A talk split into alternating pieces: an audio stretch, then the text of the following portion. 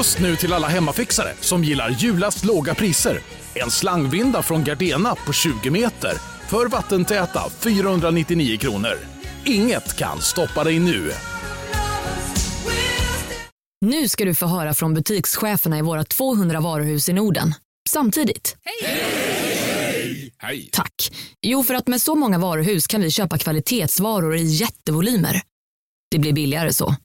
Byggmax. Var smart. Handla billigt. Ja, Hallå? Pizzeria Grandiosa? Jag vill ha en Grandiosa capriciosa och en pepperoni. något mer? Med kaffefilter. Ja, Okej, ses samma. Grandiosa, hela Sveriges hempizza. Den med mycket på.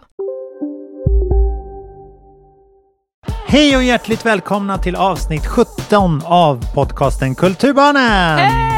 Med mig Pontus de Wolf och Ida Tirén! Woohoo! Live in the studio! Nu är vi äntligen förenade. Ja, vad roligt att se dig Ida. Hur är läget? Det känns skitbra. Ja. Underbar, vacker, solig höstdag i Stockholm. Ja, men det har varit fantastiska dagar. Nu är löven äntligen så där röda som man kräver av dem egentligen i en höstsituation. Men eh, också hjärtligt välkomna till alla våra lyssnare, gamla som nytillkomna. Alltså så många nya som har kommit in. Jag antar att ni kom för kärleken och ni stannar för kulturen. Alltså det var inte Hakon eh, Jakobsson eller vad han heter, Disney-sångaren. Som, inte det som det var inte lockade. hans mention. Som Hans tripplade ordförande. våra lyssnare. Pedersen, Hakan Pedersen, ska inte... Nej, vem kunde tro att han hade så många dolda fans? Ja, exakt. Nej, plötsligt så dyker det upp jättemånga nya, nya lyssnare och ni är så varmt välkomna. Ja, underbart. Klicka alla like-knappar. Jag, Alla like-knappar. jag brukar lyssna både på iTunes och Spotify och gärna i browsern om jag, Okej, nu vet ni hur om jag verkligen vill supporta en podcast. Vi gör den sådär. här podden gratis för er. Ja. Och för kulturen. Ja, det är ju faktiskt för kulturen. Det är ju det, alltså, jag glömmer bort att jag älskar ju kultur så mycket så jag glömmer bort att alla gör ju inte det. Nej. det är så där. Liksom man, man har sitt favoritband eller favoritförfattare eller favoritkrog. Och så märker man att det är tomt. Bara shit, varför är inte alla lika besatta av det här som jag? Ja, verkligen. Men jag antar att folk gillar så fotboll och sånt också. Att det kan vara sådana saker som lockar. Men jag var ju på konstutställning i helgen. Issues Gallery. Eh, det var sista helgen för den här utställningen. De hade, de kallar för Downtown Issues. Det är en kille som heter Oskar Karlsson som har hållit på att jobba hårt i konstsvängen i många år. Eh, jag träffade honom första gången för, ah, nu är det snart tio år sedan, när jag skulle skriva en katalogtext, eller en, ja, en text till en utställning eh, för Swedish Art Now, som var en stor utställning om samtida konstnärer på Sven Harris konstmuseum. Och då intervjuade jag honom, för han var med och kurerade det där och styrde upp den här utställningen. Och han är sån, har koll på alla samtida konstnärer och förs- väldigt intresserad och dedicated. Liksom.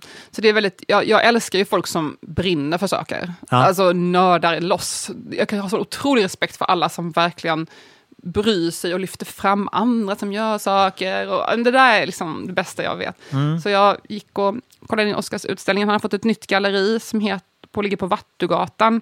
Alltså typ vid centralen på en av de här konstiga så här, klara kvarteren, gatorna runt centralen. Okej, alltså på Drottninggatan-sidan? Eller? Ja, men typ sådär. Alltså, Det är ju lite intressant där vid Gamla Klara, alltså omkring T-centralen i Stockholm. För det var ju väldigt vackra kvarter förut med så gamla hus och sånt där. Och sen rev de allting och byggde upp de här brutalistiska monstren som skyskrapor. Och ville att det skulle se ut som i New York, Ja. ungefär. Lyckades väl sådär. Mm, ja. Men då byggde de ju det för att det skulle passa för bilar, inte Ja, för så precis. mysiga promenader. Eh, och det har ju varit mycket kontrovers om det där under årens lopp och många som är arga och det finns massa dokumentärer om det här, att folk Ja. är arga för att det gjordes. Och om man inte redan har koll på det så finns det till exempel jättebra dokumentärer på eh, öppet, Öppna arkivet på SVT Mm. och sådär, som handlar om just det här gamla Klara och nya Klara och folk är skitsura. Men det passade väldigt fint att ha det här galleriet i den här miljön, för det kändes lite så city det blev plötsligt lite city-känsla av det hela, lite så här New York-känsla på det på något sätt. Um, jättekul att han har fått ett, de har fått en egen plats för det här nu. Ja, ja. Eh, Så jag kollade in lite, det var ett gäng samtida konstnärer, alla fick en begränsning viss, en viss storlek på konstverken och så fick de göra någonting på det här. Så alla verken var nygjorda 2021. Eh, jag tycker det är väldigt kul när man får en begränsning. Ja. Då tvingas man ju verkligen tänka efter och mm, anpassa sig till formatet lite grann. Och det blir Ja. en annan, ofta blir det väldigt bra när man tvingas ha en begränsning. Typ skriver jag en text och de bara, du får vara max så här långt. Då, då gör jag ju det. Ja, Istället för att man brer ut sig i onödan kanske. verkligen. Man har hur många chanser som helst liksom, att Mm.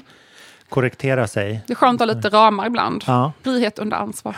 Men det är intressant med sån här eh, arkitektur som ska försöka styra människors vanor och inte Just tvärtom. Mm. Eh, där gjorde de ju om så brutalt mycket på en och samma gång. Så Mm. att det tar så otroligt långt för vanorna att liksom börja följa det. Mm. Och vi kan ju se på Gamla stan och andra gamla stadsdelar i just Stockholm och i andra städer som var så här domusstäder och sånt.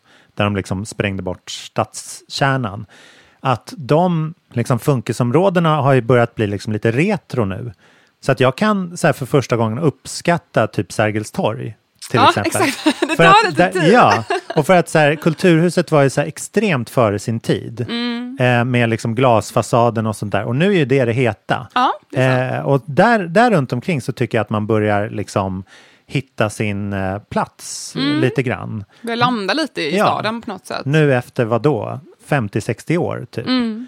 Ehm, att det är liksom, vi får, vår generation, vi får ju lite grann så här, eh, gå i bräschen för, eller ta den i försvar. Just det. Det här liksom äga det, att så här, ja, ja, men det vi, för att jag, jag jobb, när jag jobbade på Moderna Museet så sålde vi en eh, så här Klara kvarteren-rivningarna bok som hade en sån här liten slott med näsduk längst fram för att man så här eh, skulle kunna ta till lipen över. Alla och det blir så himla liksom det blir så populistiskt på något vis. Eller det, det anspelar på känslor. Och det, det. gör inte att man ska liksom förstå eh, det, det känns lite som att så här, de som de som plattan är till för ungdomar, musikanter, även kulturarbetare Och även protester och sånt. Ja, Samlingar. Det finns, precis. finns ju en liten sån här plats för att hålla tal och sånt. Exakt, en liten speakers corner-aktig grej. Mm.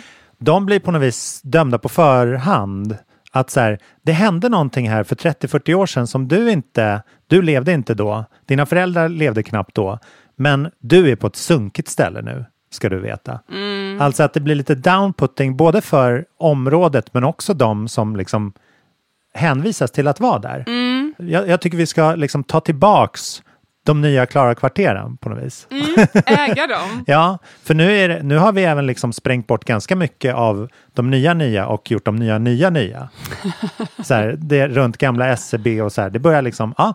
Jag tycker man ska, man ska ta sig dit med en, med en nypa nya ögon och kanske så här, ja det här är Stockholm nu. Det bara är det. Precis, acceptera. Jag knyter faktiskt an på någonting som jag har tänkt mycket på sista tiden.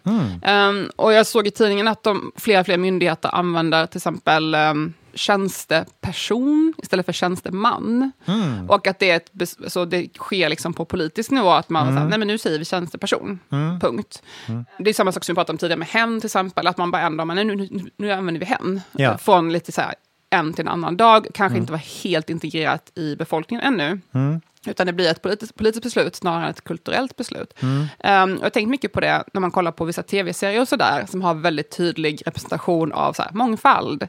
Typ så här, Orange is the new black. Um, Och ibland tänker man så här, ah, shit, är det här underhållningen eller är det, så är det så en politisk statement? Ja. Eller så här uppläxning av folk? Eh, och jag är ju då väldigt mycket för det här faktiskt. Omstöpningen. Jag är lite Ja. för att man gör det här lite, som kan ibland kännas lite konstlat eh, i vissa fall. Ehm, för att man bestämmer, liksom så här, nej, nu ska vi göra så här, och så får folk göra det. Och jag förstår att det är väldigt provocerande för folk som inte då eh, håller med eller har integrerat den här idén. Men min erfarenhet är att kulturen ligger ju oftast i framkant. Om man då tar, använder till exempel Orange, Orange is the new black, alltså det här tv-programmet som har utspelat sig i ett fängelse och har en väldigt um, en cast som skiljer sig väldigt mycket från standard-tv-utbudet, om man säger så. Flera transpersoner och folk med olika ursprung och så vidare. Det. Ehm, och det kan ju då kännas som att ah, nu ska vi göra ett statement. Så här. Men jag tycker det är toppen, för att ibland måste det vara lite så här awkward i början, när Mm. man är ovan vid någonting, för att då folk vänjer sig och ser det här och sen blir det plötsligt normalt. Ja. När man ser, eller normalt, det är lite svårt ord att använda, men det blir väldigt vant för folk att se Ja. det. Så ibland måste man vara lite så här jobbig i början, bara, nu ska vi göra ett statement, och Ja. Mm. sen blir det liksom det vanliga. Eh, och så tänker jag också med så här, tjänsteperson, folk bara, vad fan, det heter tjänsteman, måste Mm. det vara så här, uh? kommer någon gubbe i så här, jävla och skitsur liksom. Visst. Men någonstans måste man ju börja den här processen och bara så här, nu säger vi det här. Och så får liksom folk bara... Och folk vänjer sig så fort. Nu har ju alla vant sig vid hen. Fast Mm. Ja. det finns alltid någon som skriker om det fortfarande. Men, men alltså, vissa grejer måste man bara så här, besluta sig om. Ja, precis. Och för alla kanske inte hen passar. Men då kan man i alla fall ta avstamp i det och så säga, okej nu har jag testat hen ett tag, men för mig funkar det här istället. Att jag liksom säger dem eller flera typer av människor. Eller liksom att man i alla fall får en, en crash course av en ny företeelse. Och sen så hittar man sin väg i det. Liksom. Vissa går ju så hårt att de, de använder hen, oavsett om de vet att det är en kvinnlig eller manlig liksom, roll. Som, som jag säger så här, det här är Ida, hen är intresserad av foto. Liksom. Så använder ju vissa det. slipper man um, för, um, assume someone's gender. Vad Ja, heter det? precis. Vad heter det? Man slipper anta vad folk har för pronomen om man inte då vet. Kanske. Ja, precis. Och andra kanske så här, ja men det där känns ju larvigt, jag kommer fortsätta använda hon om, om folk som heter Ida. Och då är det fine. Men då har man i alla fall Fast liksom... det kan ju vara lite problematiskt om det sårar folk. Definitivt. Mm. Men jag menar att då har man i alla fall liksom gått via det där. Jo, man har förhållit sig Att- till det på något sätt. Ja, man behöver inte känna att det är the end of the world så fort det är en liksom... Nej, men folk, folk vet om att det finns alternativ i alla fall. Ja. Ehm, och jag tänker på det hur otroligt fort. Jag tänker på när Girls kom, den tv-serien med Lena Dunham. Och Mm. det är väl, vad kan det vara, 2013 kanske? Det är liksom åtta år sedan, det är ju nyligen. Alltså det var ju när min dotter var nyfödd. Ehm, och jag kan tänka mig att de som är lite yngre än mig nu kanske inte riktigt fattar hur otroligt fort det har gått. För den kom, alla bara så här, wow, en serie om unga tjejer. Och sen bara så här, åh nej, det var Mm. fyra vita tjejer. Det är också ett problem, så vi pratar om det. Så här. Och nu hade det ju all, alltså, konversationen idag är så otroligt annorlunda från vad den var bara då. Mm. Alltså det hade ju inte varit revolutionerande med fyra, en show om fyra tjejer som typ har sex idag. Nej, nej, verkligen. Däremot, men då kändes det ju väldigt så fräscht och nytt, förutom då det här lite bismaken av oj, det är fyra vita tjejer. Och nu hade den konversationen kommit direkt Ja. innan det andra. Så att kulturen har ju gått så otroligt fort sista 10-20 åren. Och det är mycket tack vare internet och sociala medier, att folk får tillgång till ett helt annat sätt till ny information. Ja. Och som vi pratade om tidigare också, att det är inte toppstyrt längre på samma sätt, utan det, är liksom, det kommer från botten, på något, eller botten, det kommer från gräsroten. Liksom. Mm. Ja, man och har, rörelser och Ja, så. precis. Man har allt möjligt. Man har så här fettaktivism, man har eh, transaktivism, Mm. ett klick bort. Medan innan fanns det liksom inte på samma sätt tillgängligt. Så att det har ju också gjort, gjort att um, otroligt mycket snabbare förändring i kulturen. Ja, Så saker känns ju förlegade väldigt eh, snabbt nu. verkligen. Men jag tänker på vad du säger om Klarkvarteren. Ibland är det lite sån här obekväm period. Det kanske inte är ett Mm. perfekt exempel för att det kanske inte var så snyggt. Det kanske inte var Nej. så bra beslut. Det säger jag inte att det var. Men nu har folk börjat vänja sig och då är det som att då är det bara normalt. Ja. Det går inte att tänka sig Stockholm utan Sergels torg. Nej, precis. Och då är det svårt att vara konservativ och säga att vi ska bygga tillbaka i retrostil. Så här, ny, ny klassicism liksom. Det, det blir ju också lite knas. Eller det är en annan form av populism. Liksom. Precis. Det finns ju till exempel partier som föreslår att man ska bygga om den här klippan eh, vid Nya Slussen eh, och bygga liksom 1700-talsstils fasader på husen där. Okej. Men då är ju det liksom att förneka en, en stads utveckling också. Ja. Även om de, som, de gamla hus som finns är väldigt vackra så ska man inte bygga nya gamla hus nödvändigtvis. Nej, men då liksom. kan vi bara riva hela Östermalm och bygga massa laggårdar och sånt. Ja, ja precis. Verkligen. Och smedjor behöver vi många.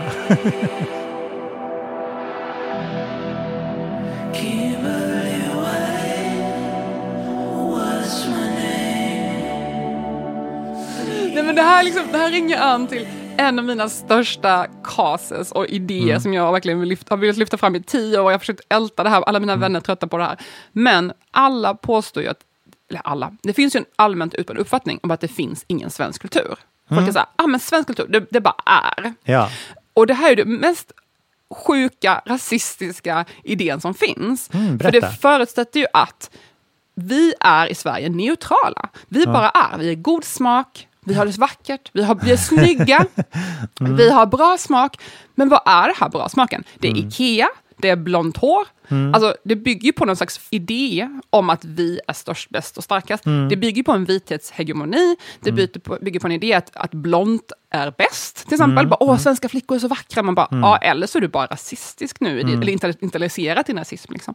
Ehm, vem bestämmer att blonda tjejer är snyggare än någon annan? Det är ju helt sjukt. Mm. Ja, eller Ehm, att det är en världsomspännande det är en åsikt. sanning. Liksom. Ja, det är så här, ah, men alla vet ju att svenska flickor är så vackra. Ja, ja, Man bara. Mm. jaha, för att de har blont hår? Ja. Ehm, och också Ikea, god smak. Det är Ja. så här snyggt och rent. Eh, och man bara, fast det här är ju bara ett påhitt. Och så här, och man, Mm. och så här, ah, folk som har, har en annan inredningskultur, till exempel så här, persiska mattor, eller så här, smyck, alltså utsmycknader, eller Mm. silver, metall, eh, eh, skulpturer, eller så här. Mm. Det anses ju vara tacky och fult i Sverige. Medan man ska ha den här slika Ikea, hm stilen Ja. det är rätt. Ehm, och det, det är ju otroligt rasistisk och så kolonial syn på, på smak. Ja, Ehm, vem som vet bäst. Liksom. vem vet bäst? Man bara utgår från att vi har ju ingen kultur i Sverige. Vi har ju ingen, vi bara har bra smak. Ja. Bara, vad, är, vad är det här? Ja. Ehm, och min, det här är liksom min, som jag har kört nu i tio år. Jag kör den igen. Men svensk kultur, enligt mig, Mm. är ordning och reda. Mm. Det är det som är svensk kultur. Mm.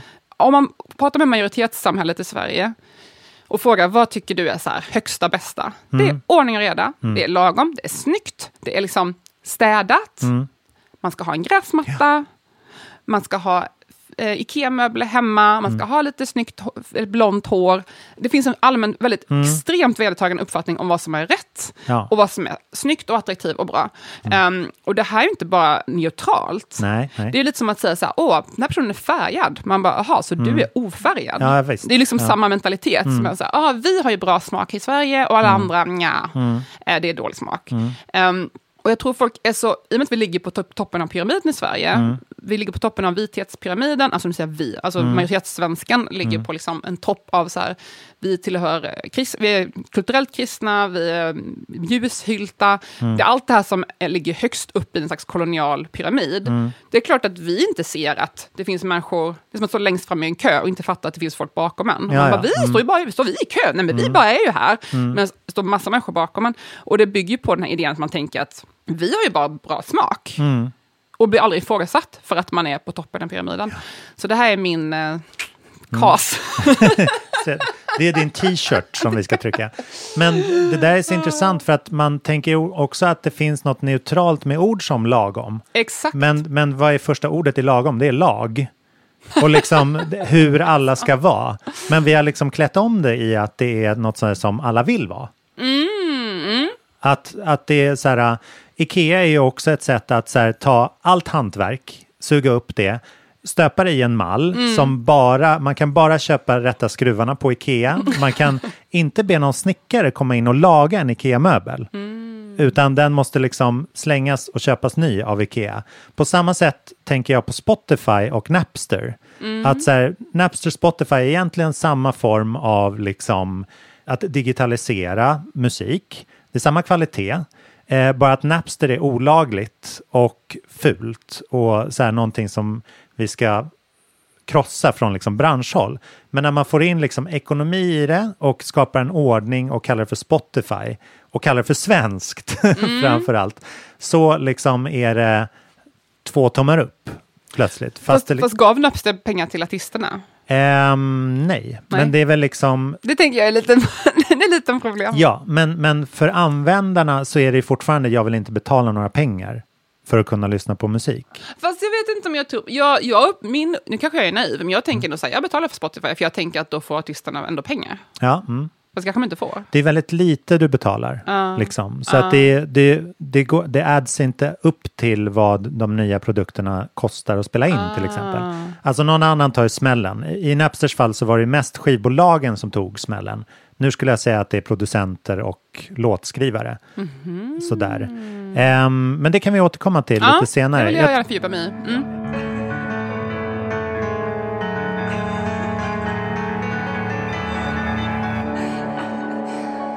Vad har du haft för dig sista tiden? Jag har jobbat. kan jag säga för första gången på ett och ett halvt år ungefär. Oj! Alltså det... Inte vabbat eller? Ja. Motsatsen till jobb till vabba, jobba. Nej men vi befinner oss ju nu den, när det här sänds går ut så är det den 30 september, alltså dagen efter att restriktionerna släpps i Sverige på liksom eh, kulturscenen och i samhället. Och det har reflekterats i min kalender. Jag har ju plötsligt jobb igen, som liksom betalda jobb. Och vad är ditt jobb för de som inte vet? Ehm, jag har eh, innan, eller så här, vid sidan om att så här, jag, jag spelar in saker på dagarna och producerar och sådär, så har jag så skapar jag event och DJar och gör massa grejer på kvällarna. Alltså det som är liksom inom underhållningsbranschen, konserter, eh, fester, hela den biten. Och det har ju varit totalt locket på sedan förra mars. Och nu har det kommit tillbaka eh, med råge. Liksom att så här, alla, alla vill skapa events och fester och konserter och börja slita igen något enormt. Och alla musiker har plötsligt liksom, är typ busy. Vilket är, det känns ju fantastiskt. Det är hit vi, vi ville någonstans med få tillbaka kulturscenen. Men det har varit väldigt intressant att följa den hit för att det, det har ju varit liksom, jag har ju startat två skivbolag under tiden som livescenen har legat nere för att liksom ha någonting att göra och bygga inför framtiden och sånt där. Och det resulterar ju i väldigt mycket mer liksom inspelad kultur och mycket fett kreativa saker för mig att göra. Och det är inte säkert att jag hade startat upp det om det inte hade varit för den här liksom pausen i livemusik och eh, framträdande och så. Så nu ska jag försöka få det liksom att passa ihop med varann och förhoppningsvis kunna köra båda samtidigt. Och det är lite en, en klurig liksom grej att göra. Men jag har hela tiden varit, jag har faktiskt varit inspirerad av några grejer som Jonas Gardell har sagt un, tidigare och under den här pandemin. Det är roligt för dem, jag har observerat att han har sagt lite olika, har du hängt med lite vad hans hållning till det hela har varit? Nej, jag, jag har bara hört intervjuer med honom i den här um, hundåren. Mm, just det. Men det har inte med det här Thomas att göra. Andersson Men den vill jag tipsa om för den var otroligt bra intervju med Jonas Gardell. Ja, vad kul. Han var så himla intressant och ju, ja, gud vad bra det var. Ja, jag vill bara tipsa på det. Men jag vet inte vad Mm. Ja. du pratar om. Nej, men han är en, en sån som gör stora shower. Mm, eh, han är det. kapabel att göra små shower också, men under den här perioden av hans karriär så gör han stora shower. Så att de är ju väldigt drabbade i och med att det är så många som blir arbetslösa eh, och utan jobb på samma gång. Och de, det är liksom dyrt att lägga ner en stor show som man kanske har repat inför och gjort reklam inför och så här. Så att det är liksom den typen av artister har blivit väldigt drabbade och han har haft en stark röst i att eh, varför är det bara kultursektorn som drabbas? Det liksom gick ganska snabbt ner till 300 pers och sen 50 pers. Och sen förra december så skulle det kanske gå upp lite igen, då gick det ner till 8 pers. Alltså, det. Och det är inte så mycket publik att jobba med. Eh, så de som har liksom haft det svettigt ekonomiskt för att de har stora skepp, det gäller även krogbranschen som är en annan sån där, har ju varit de som varit mest beroende av besked om när man ska kunna liksom dra igång och sådär.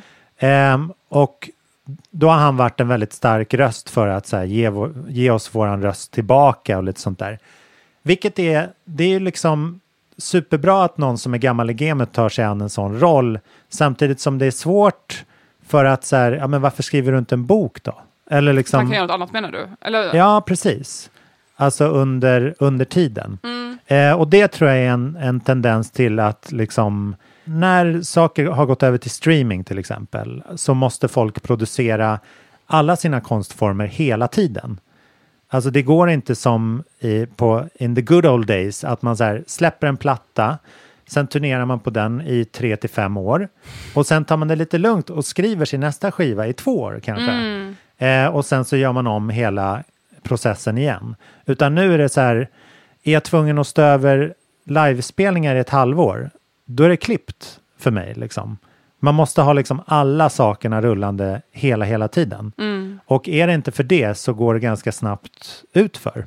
ekonomiskt. Och så är det liksom om man är indie eller om man är väletablerad eller om man är in between. Eh, men det, det har gjort att han inte har kunnat ta, använda sig av sitt bästa råd före pandemin, vilket var så här fake it till you make it och ehm, att man ska väl liksom var, han, gjorde, han gjorde en så himla bra grej under Guldbaggegalan precis innan pandemin, vilket var att så här, han blev sur på alla sina skådiskollegor för att de tyckte Guldbaggegalan var töntig. Gick ut i media med att så här, men det här spelar inte så stor roll, alla tacktal var lite slappa. Så här, han menar att så här, det är vår roll som kulturarbetare att uppa kulturen. Att så här, visa på all glamour och så här, att vår, vår bransch är den coolaste som finns. Mm. Och att så här, det ska vara kul att komma på shower. Man ska liksom sugas in i det här låtsas glamorösa. För Ja, då blir det glamoröst. vardagen, liksom. Ja, Ja, precis. mm. Och lite till det jag sa förra veckan att så här, man måste liksom säga den här maten som du ska få är svingod. Ja. den, för då vaknar liksom smaklökarna.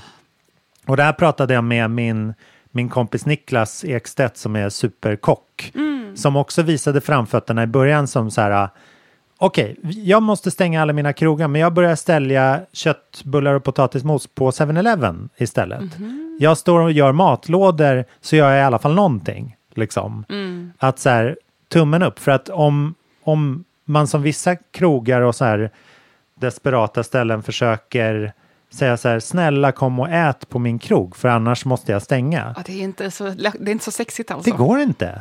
Det går så, absolut Snälla inte. älska mig! Folk bara, okej. Nej men och precis, och sen på samma sätt så här, stödköp min skiva. Man vill inte köpa den. Nej, det går i kanske en vecka.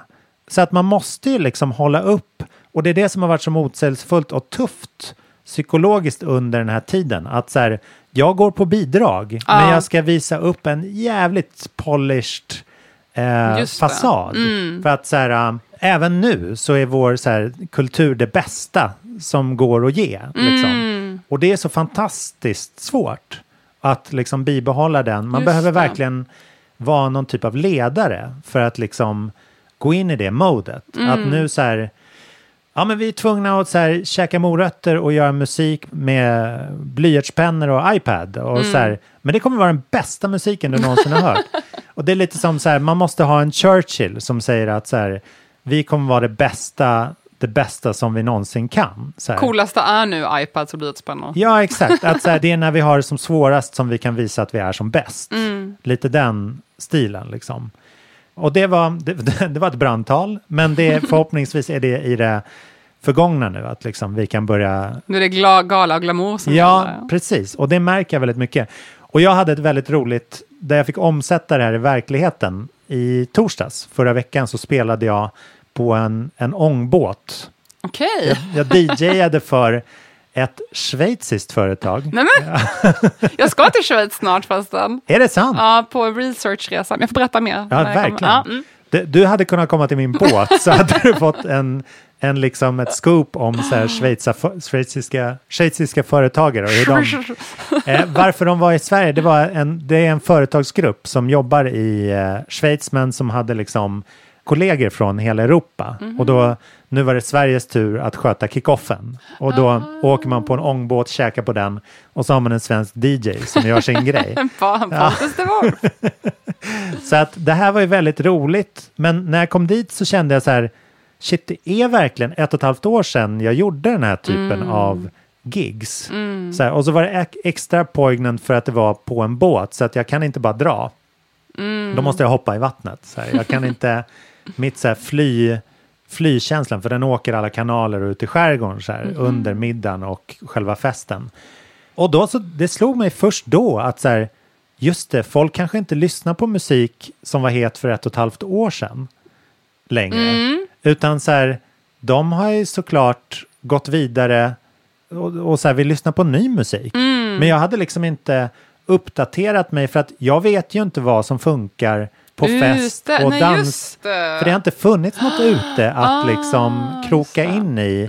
För van, vanligtvis så brukar det där gå i tanden att man spelar på en klubb och då är det lite mer loose, att man så här, testar lite. Så här. Ja. Då behöver man inte hålla full låda hela tiden. Det är ingen som kommer lämna dansgolvet så att säga för att man spelar en lite trippy låt. Liksom. Utan på, Testar på såna man här. Ja, Mm. på sådana här gig, då är det verkligen så här, under fem timmar så måste jag hålla allas uppmärksamhet konstant.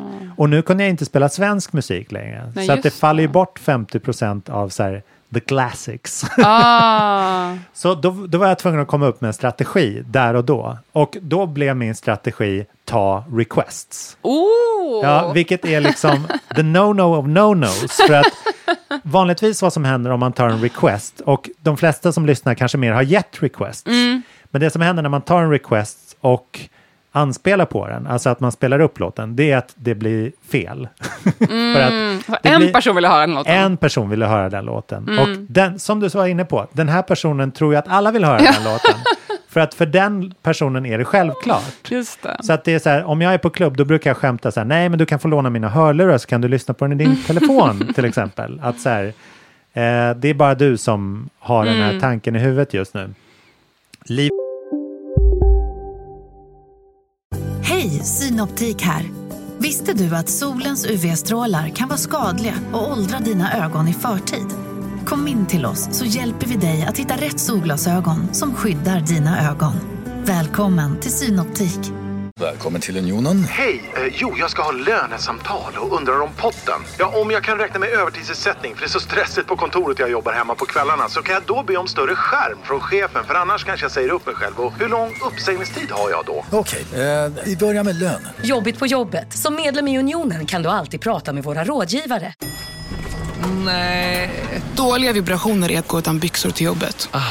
Bra vibrationer är när du inser att mobilen är i bröstfickan. Få bra vibrationer med Vimla. Mobiloperatören med Sveriges nöjdaste kunder enligt SKI.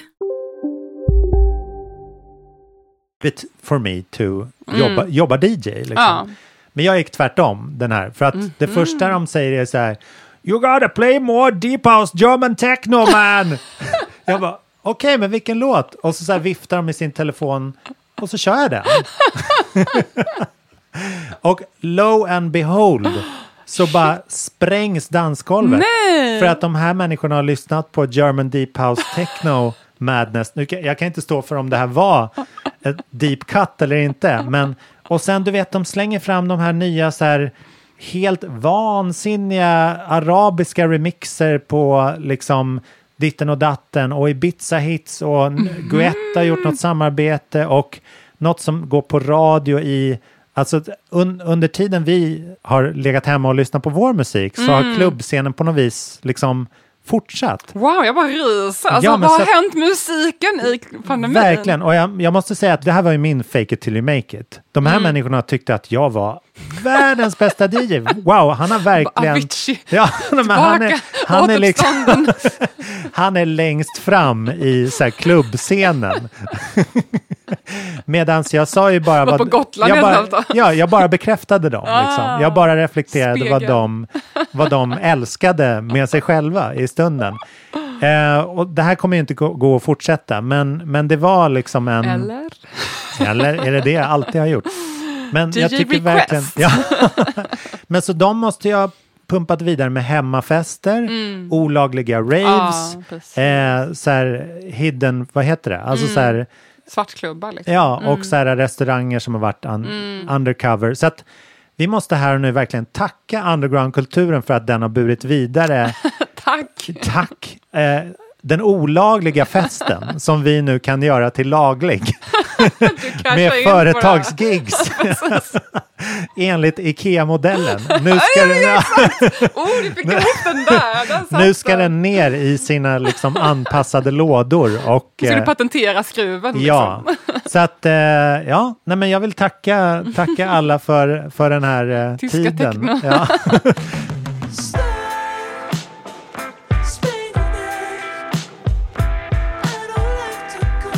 Nej, men det här knyter faktiskt an lite på någonting jag har tänkt mycket på sista tiden. Vilket är, jag har kollat på massa så här modekommentator-tjejer på TikTok. Alltså Ah, så här, mm. Tjejer mellan 20 och 30 som pratar om mode och sådär. Och de har lyft fram en, en del saker kring eh, modevisningar som har varit nu. Just det. Och det har varit klagomål på att de känns inaktuella. Ehm, så att, under exempel New York Fashion Week, så var det så här visningar på grejer som folk bara, shit, det där känns så himla ute redan. Det där är liksom ett halvår sedan eller så. Mm. Och då får man ju tänka att en modevisning bör ju produceras ett och ett halvt år innan Mm. den kanske visas. Mm. Så de saker som visas nu i höstas började produceras liksom, typ i början av pandemin. Mm. En helt annat värld. Och inte bara då med tanke på pandemin som har förändrat våra mönster väldigt mycket, men också under pandemin har ju typ exempel TikTok slagit igenom stort bland ungdomar. Ja, och det det är ju väldigt i. snabba puckar där. Alltså det är Ja. ju extremt, det är ju snabbare än YouTube, det är snabbare än Instagram. Det, alltså, Mm. det, man får ju upp mycket mer tips på TikTok än du Mm. får på Instagram. Där är det mycket mer att du följer dina saker som du följer. Mm. Lite mer statiskt. Men medan på TikTok är det verkligen så här random grejer som kan dyka upp i din sida. Så det blir otroligt snabb turnover. Mm. Och företag som det här Shein, som är ett in, eh, kinesiskt företag som gör så superfast fashion och verkligen snor rakt av, Mm. stjäl Mm. designs. Till exempel jättemånga på exempel Etsy som är så här sajt för hantverkare och sånt, lägger upp egna grejer. Mm. Så indie DIY-människor. De har bara så här, massa exempel på att de har bara snott grejer. Just det. Och bara kopierar upp och trycker upp så här fast fashion och slänger ut det för så här 100 spänn. Mm. Ehm, så de har liksom noll etik, verkar det Mm. som. Och man vet ju inte heller var sakerna är producerade. Det finns liksom ingen, alltså jag tycker inte, H- jag vill ju knappt handla på H&M för att det är så här... Det jag, produceras i Kina. Jag litar du ska veta, de, de i Kina producerar på ett even darker place. Nej men det vet man ju inte vad. Alltså, Nej, eh, jag har svårt att handla på mycket så här H&M sånt för jag tycker så här, ja, dels miljöskäl men också, jag vet inte hur det ser ut med allting omkring, Ja. både miljö och Mm. arbetsförhållanden och sånt. Men det här med Kina och sådana här, det, vet, det är ju bara så här, det där är mörkt. Det Mm. kan vara med så här koncentrationsläger för all I know. Mm. Alltså, jag vet inte, Mm. det finns ingen så här övervak- det finns inget system för att, eh, Mm. watchdog-system för det här. Och det är tyvärr är det så att många som då vill hänga med i de här svängarna, Mm. nya trender och typ TikTok, nya trender hela tiden, Mm. då blir det att man handlar på sån här superbilligt fast fashion. Mm. Och vem kan producera så snabb fashion? Mm. Det är ju, är ju bara de här superfast fashion Ja. som på två dagar kan slä- slänga ut en ny trend. Jaha, vill ni ha det här? Men då trycker vi upp det här. Ja. Ett, ett Prada behöver Mm. ju liksom ett år på sig, eller Ja. två. Mm. Så att det blir det ju de här mikrotrenderna Mm. som det kallas för. Och de här mikrotrenderna sprider upp, upp, upp, upp, upp och till slut så blir det ju bara så här, då har ju saker, i kommentarerna jag läste på de här videorna så var det så folk som bara, ah, men det var en tjej som shameade andra för att den där, den där trenden var ju tre veckor sedan. Mm. Alltså på den nivån. Alltså nu Ja. snackar vi inte längre så här, säsonger, utan det är veckor eller månader som säsongerna håll, äh, Ja. trenderna håller i sig. Och då börjar jag ju fundera på, vad jag hade en lång konversation med min kille om det här. Jag Bara, vad kommer vi ens ha de här modehusen till nu? Mm. För innan var det ju allting toppstyrt. Då hade man Prada, Gucci och så vidare. De Mm. bestämmer att det här är modet som kommer vara nu. Mm. Vi har etablerat den här looken och så Mm. kommer alla andra härma det. Typ H&M och alla härmar liksom Gucci. Eh, men nu pågår det på ett helt annat sätt. Mm. Återigen det här gräsrotsversionen, eller gräsrot Mm, låter ju fel, mm. men eh, på, från marken upp så att säga. Mm. Att nu börjar tjejerna ha på sig det här och då vill de köpa det och då trycker tjejerna upp, eller de här billiga fast fashion Mm. trycker upp det och så blir det så, och sen är Ja. det ute. Eh, Istället för att man då har en annan process. Mm. Så då kan man ju fråga sig, vad ska de här stora modehusen vara till för? Mm. När vi har en helt annan rytm i det hela. Ja. Så det, frågan är ju fortfarande öppen, jag har inget så rakt svar. Men Nej. jag tänker att det kanske blir som ett parallellt system av ehm, att vi har de här exklusiva plaggen som riktar sig till då en väldigt exklusiv publik och sen har vi det här andra som Just rullar det. på. Mm. Ehm, men samtidigt också med de här mikrotrenderna, det var någon som kommenterade, nu minns jag faktiskt inte vem det var, men det var någon av de här tjejerna jag följer på TikTok, och som kommenterade just att de landade mycket i det här att man har de här mikrotrenderna, men det kommer inte hålla i längden, vare sig miljömässigt eller ekonomiskt, Mm. eller planeten klarar ju inte det här. Men det enda som funkar i längden är ju att ha en personlig stil. Mm. Man har sin personliga look Mm. som man kör på. Det är ju det mest ekologiskt hållbara, Mm. kan man säga. Och jag tycker själv att jag har haft samma klädstil sedan jag var typ 16. Fast Mm. Ja, du ser lite fjortis ut. Nej, Det var en jag- komplimang. Precis. jag brukar, min dotter bara, mamma varför klär du dig som en tonåring? Jag bara, "Nej, du ser ut som en storasyster. Jag bara, thank Du you. bara, du då? Nej, men jag har haft liksom, man kan se så här liknande mönster i hela Ja. mitt liv, men jag har ju uppdaterat det för att försöka passa in lite grann i samhället. Mm. Typ, som så. Men eh, jag, jag kan känna att jag har en ganska tydlig stil, och det har väl du med? Du har ju liksom, det killar, för män är det ju lite annorlunda. För Ja, män ja, ja, förväntas ju ha en. Nej, men det, jag kunde ju ärva min pappa redan när jag var 17-18. Liksom. Ja. Men eh, det där är intressant för att eh, det är så mycket av liksom TikTok, obs, bara som en parentes, är väl ett kinesiskt företag? Ja, det också. Ja, Mm. så det, det gynnar ju... Mm, det ja. är lite mycket, jag, jag tycker det är lite så här, mm, det är nog diktatur. Alltså, Ja, ja. Det handlar inte om att jag är så anti-Kina, men så här, det är en Mm. diktatur. Mm. Punkt. Och det där är, de behöver ju inga övervakningssystem om alla filmar varann heller. Vi vet ju att de har koncentrationsläger för liksom, eh, del- delar av sin befolkning som inte Mm. har samma, som exempel muslimer. Precis, ja. Mm. Så att vi måste ju få ifrågasätta det här utan Ja. att man verkar som att man är anti-kineser. Det är inte det det. det nej, bara det är inte personerna. Nej, exakt. Nej, jag bara, det här är ju, nej. det är ju inte bra. Nej. Nej, det blir för mycket av något, det kantrar lite. Mm. Anyway, det jag tänkte säga var att det är så här, eftersom allt, även under pandemin så har ju allt varit, de har ju aldrig sett dem, folk ser ju aldrig varandras kläder i verkligheten.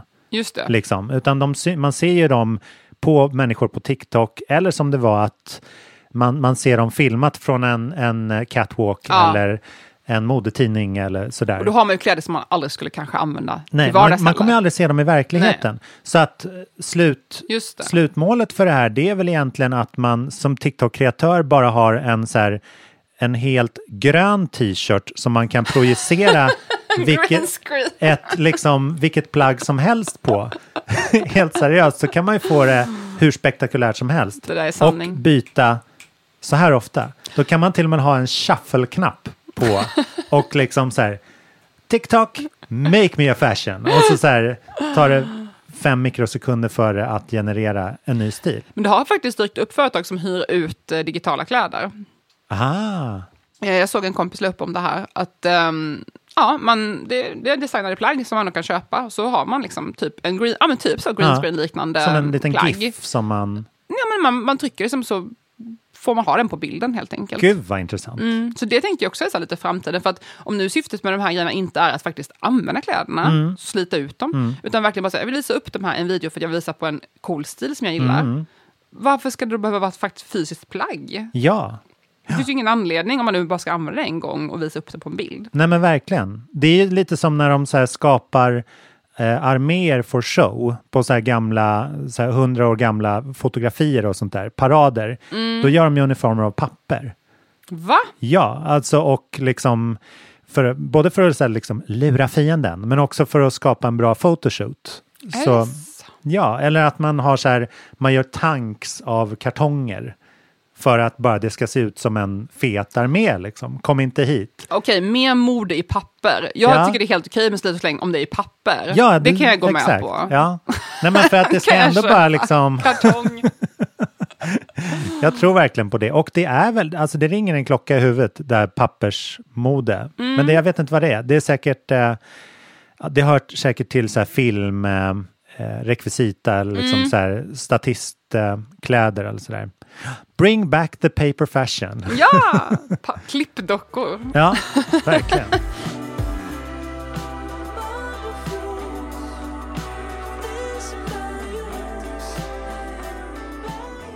Nej, men jag har tänkt på en annan grej angående mode och ungdomar. Och det är ju då, som jag har pratat om tidigare i podden, om lågt skurna jeans. Ja, Och nu noterade jag när jag var på stan här i helgen att, i Stockholm att nu har det verkligen slagit igenom. Mm. Eh, min kille hävdar att det här har varit ett tag. Jag uppfattar inte att jag har sett det här lika tydligt så här länge. Eh, mitt, min, mitt minne var att i höstas, alltså för ett år sedan, då såg jag de flesta ungdomar med ganska högt skurna, raka jeans. Mm. Kanske två år sedan, men jag tänker att det var för ett år sedan. Ja. Alltså högt upp i midjan och så ganska raka, så fladdriga, lösa jeans. Ja, ja. typ. Benjamin så, Ingrosso-stilen. Ja, men så tänker jag att det var typ för ett år sedan ungefär. Visst. Men nu då, när jag gick på Söder eh, igår, jag såg så otroligt många ungdomar, och jag skulle säga att de flesta är i alla fall under 25, kanske till och med under 22, Mm, mm. eh, som har den här stilen som jag hade i högstadiet, som är typ så här diesel, Mm. eh, kanske lite Fornarina-hållet, ehm, vad heter det här, Levis-varianten som var så stora fickor. Just det. Eh, alltså nästan så här, inte FUB, men liksom Mm, mm. det hållet. Ehm, I alla fall, så den här looken, då är det alltså lågt skurna jeans och ganska rak, ganska ful passform. Alltså det är inte Mm. så här, ganska formlös passform. Just det. är inte så här Levis 501 och höga i midjan, Mm, den mm. utan det är bara en formlös, ganska rak, men ändå lågt skuren. Ehm, Rör, liksom. Eller nej, rör, det, då är det Ja, det är tajt. Ja, det här är liksom lite stora och så här, lite, Mm. ja, men lite otympliga på något sätt. Mm. Och, och, och ofta ganska så lite mörkare nyanser också Mm. på jeans. Och jag, det här uppfattar jag är samma mode som jag beskrivit tidigare då i podden med de här lågskurna jeansen, Y2K Mm. och så. Och det intressanta då är att det här är det perfekta plagget att eh, köra retro, för det är Ja. så tacksamt. Om man är tonåring, man har inga pengar. Man har kanske ett barnbidrag eller, eller studiebidrag. Mm. För det här, det måste ju svämma över på landets second hand-affärer av det här plagget. Mm. För det är ju inte trendigt, inte varit trendigt på 20 år. Nej. Um, folk har rensat ut sina garderober och nu är det ute på marknaden. Ja. Eh, och det är ett plagg som inte är särskilt smickrande och har verkligen inte varit aktuellt. Mm. Och nu finns det så på alla humana i världen för typ 50 spänn. Ja. Så vill man haka på den här trenden så är det väldigt tacksamt man är ung och lite så här, man har tid och energi men inte, man, man är pank. Mm. Men man kan haka på den här trenden. De är oförändrade om de legat i en vindskartong i 20 år också. Exakt. Det är ju inte skjortor till exempel. Alltså de ser ju skitbra ut, Ja, partyn och ja. allting. Och det fina med det bästa med det här är att de är ju så fula i passform, får man nu säga. Alltså det är inte så att de ska vara så här Ja. formskurna och sitta rätt på rumpan, utan de Just det, hänger lite ja, så här mm. laddrigt. Så det går ju att ha vilken storlek som helst. Ja. Så att det är perfekta second hand-plagget att shoppa. 60 eller 70 procent rätt fit är inte, det är inte så stor skillnad. Nej. Liksom. För jag handlar ju nästan aldrig byxor på second hand, även om jag tycker second hand är det bästa alternativet, Mm. alltså miljöskäl och så. Men jag pallar fan inte prova så här 30 par byxor för att hitta något som funkar. Nej, här nej. är det så här, ta några. Mm. Bara ta ett par. Men det kan också vara en motreaktion mot eh, sportmodet, eh, Mm. tänker jag. Alltså den här liksom, för när du säger att det är så här slappa vardagsbrallor, vilket det ju är, även Mm. om man liksom gör om det till någonting trendigt nu då. Så det, det har ju uppfyllts av sportkläder. Alltså så här mjukisbyxor, Adidas, Ja. liksom så här extremt mycket sportkläder har vi ju sett under några år. Det kanske är på väg ut lite grann. Jag har inte sett så mycket av det. Nej. Däremot finns det, ju, det finns ju lite variationer på det här med de här lågskurna jeansen. Man kör antingen så här nitbälte, alltså det här är vad jag, exakt vad jag hade i typ i nian, alltså Ja, sådana slappa ja. byxor och nitbälte. um, eller har jag också sett- så en, en stil att man har liksom snöre som man knyter. Mm. Alltså lite som att man har kommit ut från fängelse precis och inte har något skärp. Ja, ja. Så man har liksom ett snöre. Ehm, och även överdelarna är lite sådär som jag tycker känner, känner mig igen från typ ni, när jag gick i nian. Ja. Ehm, så typ, ja, det är runt 2000 då, för jag är född 85. Så då är det Mm. ju. Ehm, liksom lite så här pe- fake pälskrage på typ Mm. jacka eller väst. Eller, Mm. ja, eh, det ska bli kul att se vad det här tar vägen. Men jag, jag, ju, jag, jag har ju kvar sådana här kläder i min garderob. Men jag är ju inte så taggad på att ta fram dem. Mm. Nej. Men jag kanske kommer bli påverkad av min omgivning och bara haka på. För jag Ja, vill passa in. Mm. Men jag har ju varit så lycklig nu med högt skurna jeansen. Alltså jag, Ja. jag har älskat det så mycket. Verkligen. jag vill inte tillbaka. Jag älskar högskurna brallor, framförallt älskar min fru det, men jag är för lång. Alltså jag har så långa ben att jag måste liksom skrädda mig till den typen av bralla. Så att jag vet inte, jag kanske tappar, missar den altogether. Eller så kommer jag vara den enda på stan med men alltså, min, brallor. min grej är också att jag har väl, eh, väldigt lång överkropp Mm. jämfört med mina ben. Alltså jag är lång, jag, är typ, Ah, ja, jag ja. kanske är 1,85, jag vet inte hur lång jag är, Mm. men jag är typ 1,85. Men jag har väldigt lång överkropp Mm. förhållandevis till min, min ben. Så Så, att, det är ju fördelaktigt. så då har det varit så otroligt fult med lågt skurna jeans. Aha. För då ser jag ut som Mm. en, då blir det jätte, för, för, förtydligade det här då. Mm. Alltså, i, Proportionen. Ja, som inte Mm. är min bästa feature, man säger. Mm. Medan de här högt skurna jeansen får ju illusionen att jag har längre ben och kortare överkropp. Geni. Så jag har ju bara dött för den här trenden Ja. och känner ju bara med fasa nu tillbaka till det här Ja. andra. Nej, men om du hade frågat mig så hade jag sagt ja, Ida är den jag känner med längst ben av alla. Det är sant. ja. Jag har faktiskt inte så långa ben som man kan tro. Nej, Jag har typ längd 32 på jeans, fast jag är 1,85. Specialavsnitt coming up om Idas ben. Nej, men det, apropå det där med fuskpäls du nämner, det är en sån där grej som liksom de stora modehusen fortfarande kan göra. Att de kan gå ut with a bang att säga så här, vi, vi slutar med päls. Mm. Eh, och det är Börja liksom, med papper istället. Ja, precis. Eller vi börjar jobba tillsammans med liksom den här. Alltså de är fortfarande liksom de stora nyheternas grej. Jag känner att Ah. så, de försöker väl också liksom balansera det här. Hur mycket ska Prada vara så här färgglatt och för alla liksom? Och hur mycket ska vi vara? Det finns fem pers i den här stan som har råd med våra kläder överhuvudtaget. De får inte göra sig för liksom vardag heller. Mm. De får ju bara liksom smälla på i versaler hela, Mm, hela mm, tiden. mm. Så det är liksom, det är så här, det är en utmaning för dem. Men jag gissar att det har varit det i över hundra år. Fast vi lever ju i en väldigt intressant tid, för att vi lever samtidigt i en tid av så här, tit- titanernas fall. Alltså Mm. så här, vi har de här enorma makthusen som bara faller i Mm, princip. mm. man gick från så här, Vogue är Bibeln till så här, åh, Mm. alla har en åsikt och kan uttrycka den på internet. Så att vi, ju, vi lever ju i det här fallet av de här idolerna. Samtidigt så har vi ju aldrig haft en så ojämlik tid som idag ekonomiskt. Att, att vi har miljardärer som är så otroligt rika. Ja, alltså det, ja, det finns ju inte i, Mm. historiskt nästan. Nej. Det enda historiska exempel finns ju är ju eh, olika eh, Romarriket. Ja, precis. Riken som, olika riken som ska falla. Ja, ja, det är ju precis, precis. sista rycket innan de faller, är ju Mm. ofta den här extrema ojämlikheten. Ehm, så det ska bli kul att se kombination.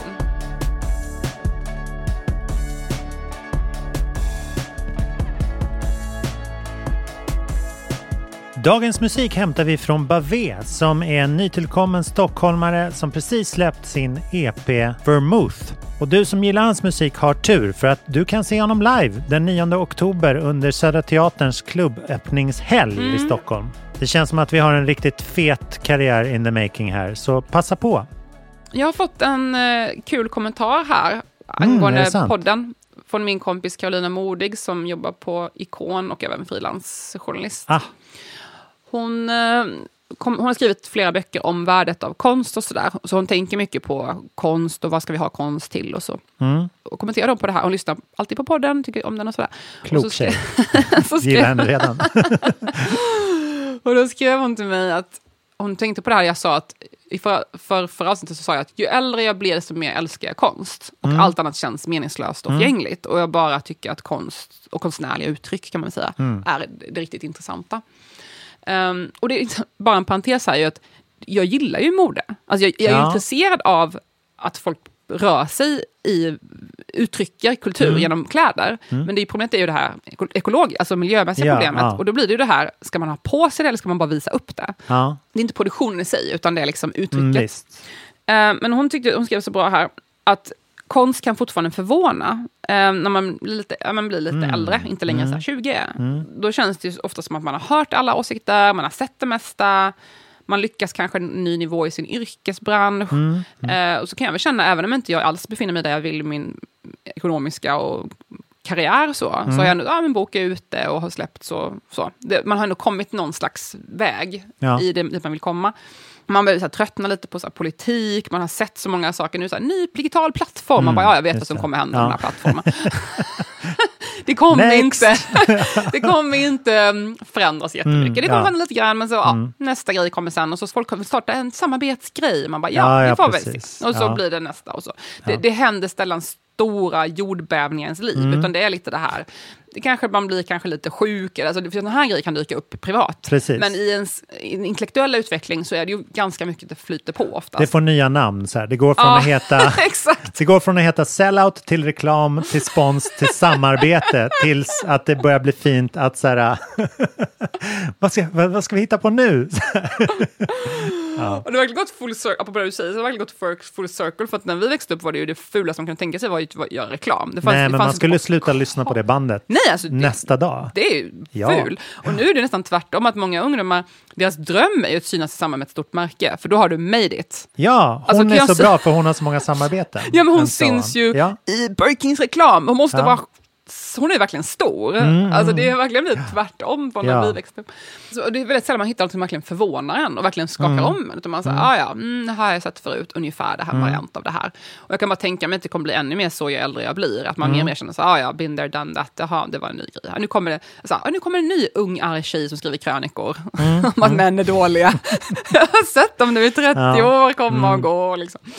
Ja, det finns ju så arketyper som, så här, kommer det två roliga killar igen som ska Ja, göra ja, sketcher? Typ. Alltså det är så här, samma Ja. arketyper som fortsätter mm. liknande sätt. Och det finns ju så här forskning, som då påpekar Carolina, på att um, konst får en att tänka på nya sätt, man skapar nya tankebanor Mm. och så vidare. Och jag upplever verkligen att just i konsten så kan jag verkligen känna så här, wow, shit, det här är något helt annat. Det här har jag inte sett. Och det är oftast en, en persons vision. Mm. Det är väldigt direkt på det sättet. Just det. För skulle jag säga, åh, en modetrend. Det är så himla Mm. många människor som är inblandade i att det här ska hända. Men en, en konstnär eller en författare som har så här en vision, Mm. då kan man verkligen säga, oj, det här Mm. går att göra, göra själv. Mm. eh, musik okej, men det är också många människor inblandade oftast. Ja, det är sällan man kan göra det helt själv på det sättet. Konstigt är så här, en person har en crazy idé och nu vill jag visa upp den för världen. Det är i kombination med att också det är hantverket ofta. För att vi är så Mm. digitala nu med skärmar hit och dit. Och att se så här, oj, någon gör de här penseldragen. Ja. Det är ju Mm. bara så här, wow, shit, det här får mig tänka helt nytt. Och Det aktiverar liksom synapser i hjärnan på ett djupt plan. Mm. Ja, Jackson Pollock kom inte fram i en så här uh, Teams-möte. Nej, exakt!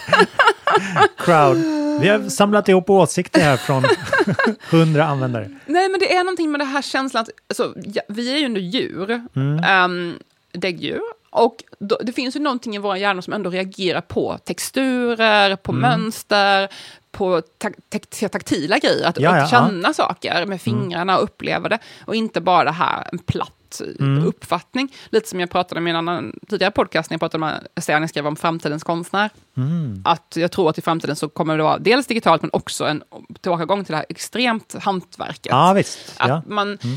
Det finns ju något djupt behov i oss som kanske inte riktigt kan formulera med ord, Nej. men där vi behöver det här liksom, upplevelsen, taktil, Mm, lukt, sensoriskt. Det räcker inte bara med en bild, Nej. eller en skärmbild. Mycket bra Ja. kommentar. Köp Mm. ikon. Jag blir sugen på att läsa ikon. Ja, de, de kör sin grej.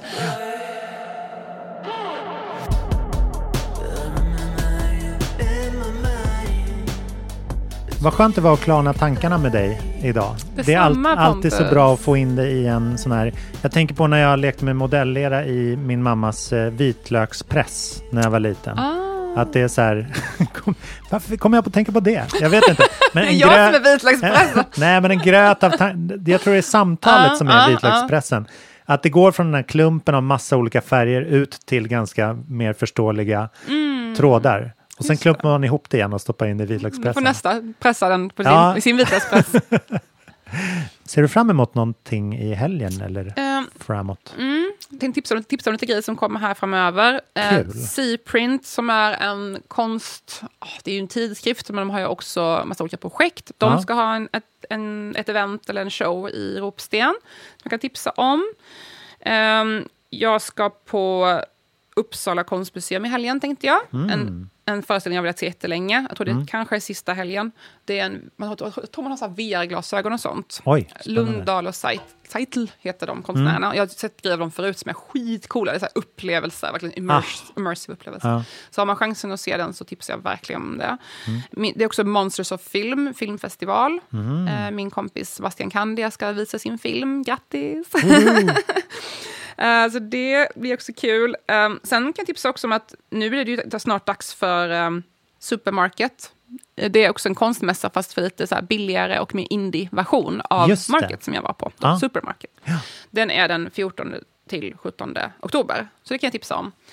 Och jag vill också passa på att tipsa om att jag har ju faktiskt eh, releasefest för min... Min, bo- Ja. min bok kommer ut i pocket. Så fantastiskt. Så det är ni Som varmt välkomna på den 15 oktober. Det kommer vara på Galleri Stensland Berliner på Bondegatan mellan Ah. 5 och 8. Så lite så after work-häng. Ljuvligt. Så det är bara att komma förbi, köpa en skitbillig pocketbok. Mm. Få den signerad. Ja. Eh, och säga hej liksom. Ja. Kul. Jag ska mest ta det lugnt, tror jag. Man tror ju alltid det, men sen så blir det en massa grejer. Så står du på någon ångbåt. Ja, exakt. Snor tyska hits från turister. Men eh, jag är väldigt Pumpa lycklig Mm. över... eh, jag har börjat kolla på en, en Star Wars spin-off-serie som heter Visions. Som jag tycker är ett roligt eh, initiativ. Eh, de har bjudit in, jag tror det är sju stycken, eller tolv, eh, anime-studios. Mhm. Alltså klassiska japanska studios som får göra eh, tolkningar och kortfilmer om Star Wars. Mm. Alltså att man tar in dem i nya miljöer och kontexter. Eh, som så här, George Lucas var alltid superinspirerad av eh, Sju samurajerna, Kurosawa-filmerna och sådär. Okej. Första filmerna är i princip liksom någon slags pastisch på Sju samurajerna. Mhm. Ehm, och nu så har de liksom gett eh, en känd anime-studio uppdraget att göra en samurajfilm med så lightsaber-inslag. Och sådär, och sådär liksom pumpar det på. Så att eh, det är ganska spännande grej. När något, när något franchise har så mjölkats sönder så får man liksom återigen gå tillbaks till liksom det hantverksmässiga, verkligen. Eh, det är ju helt liksom, dataeffektfritt och gjort för hand. Mm. Väldigt coolt. Jag vill också passa på om någon ska gå på bio. Det har ju fått mycket uppmärksamhet redan, den här nya filmen om Lena Nyman. Ja, Eh, just det. Men jag har sett den och den är, jag kan bara intyga att den är bra. Ah, vad kul. Så att vill man kolla in den så går den på bio nu. Mm. Och jag är ju alltid för att gå på bio och stötta Mm. filmmakare. Man ska inte säga stötta, då blir tappar folk lusten. Man Ja. ska, man ska gå på bio. Punkt. Älskar bio. och vi vill även tipsa om att K, som bidrog med musik till podden här för några veckor sedan, spelar på Kulturhuset i Stockholm den 6 oktober. Så vill du återuppleva gamla souldängor och ta del av Ks fantastiska musikalitet och röst, så passa på. Den 6 oktober alltså. Och som vanligt, eh, vi blir också väldigt glada, jag ska inte säga nu stötta för det låter ju väldigt negativt, Mm. men vi blir väldigt glada om ni trycker på prenumerera eller gilla eller dela podden. Man kan också klicka i en recension. Ja, Ge stjärnor. det uppskattar Ja, vi ju. oavsett om man ger ett eller två eller fem stjärnor så, så är det positivt. Vi tycker fem. Ja. Jag har gett fem. Jag gav den. Nej men så man får interaktion. Men så är det ju med Mm. allting med, det kan man säga som generellt tips tycker jag, generellt, om man vill stötta kultur, stötta, Ja, men man vill ja. uppmuntra kulturarbetare att nå ut. Visa sin interaktion, på det Interaktion. sätt man kan. Det är ju så algoritmerna Mm. funkar. Interagera, kommentera, likea, Mm. skicka en emoji, kommentar. Det Mm. behöver inte vara något djup. Mm. Alltså ju mer man interagerar desto mer syns ju saker. Ja, det är så det funkar. Så att eh, det kan vara värt att tänka på med allt man gillar. Verkligen. Vi hörs nästa vecka. Ja, det gör vi som alltid. Och hittar nya grejer som kittlar. Du får ha det underbart i veckan. Ha det så fint, Ja, detsamma. Ni med. Ha det så bra. Hej! Hej då.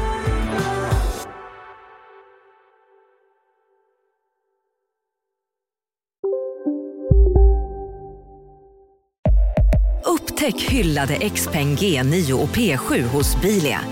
Våra produktspecialister hjälper dig att hitta rätt modell för just dig. Boka din provkörning på bilia.se xpeng redan idag. Välkommen till Bilia, din specialist på XPeng. Just nu till alla hemmafixare som gillar julast låga priser. En slangvinda från Gardena på 20 meter för vattentäta 499 kronor. Inget kan stoppa dig nu. ska några små tassar flytta in hos dig. Hos Trygg Hansa får din valp eller kattunge 25% rabatt på försäkringen första året. Läs mer och teckna djurförsäkringen på trygghansa.se. Trygg Hansa, trygghet för livet.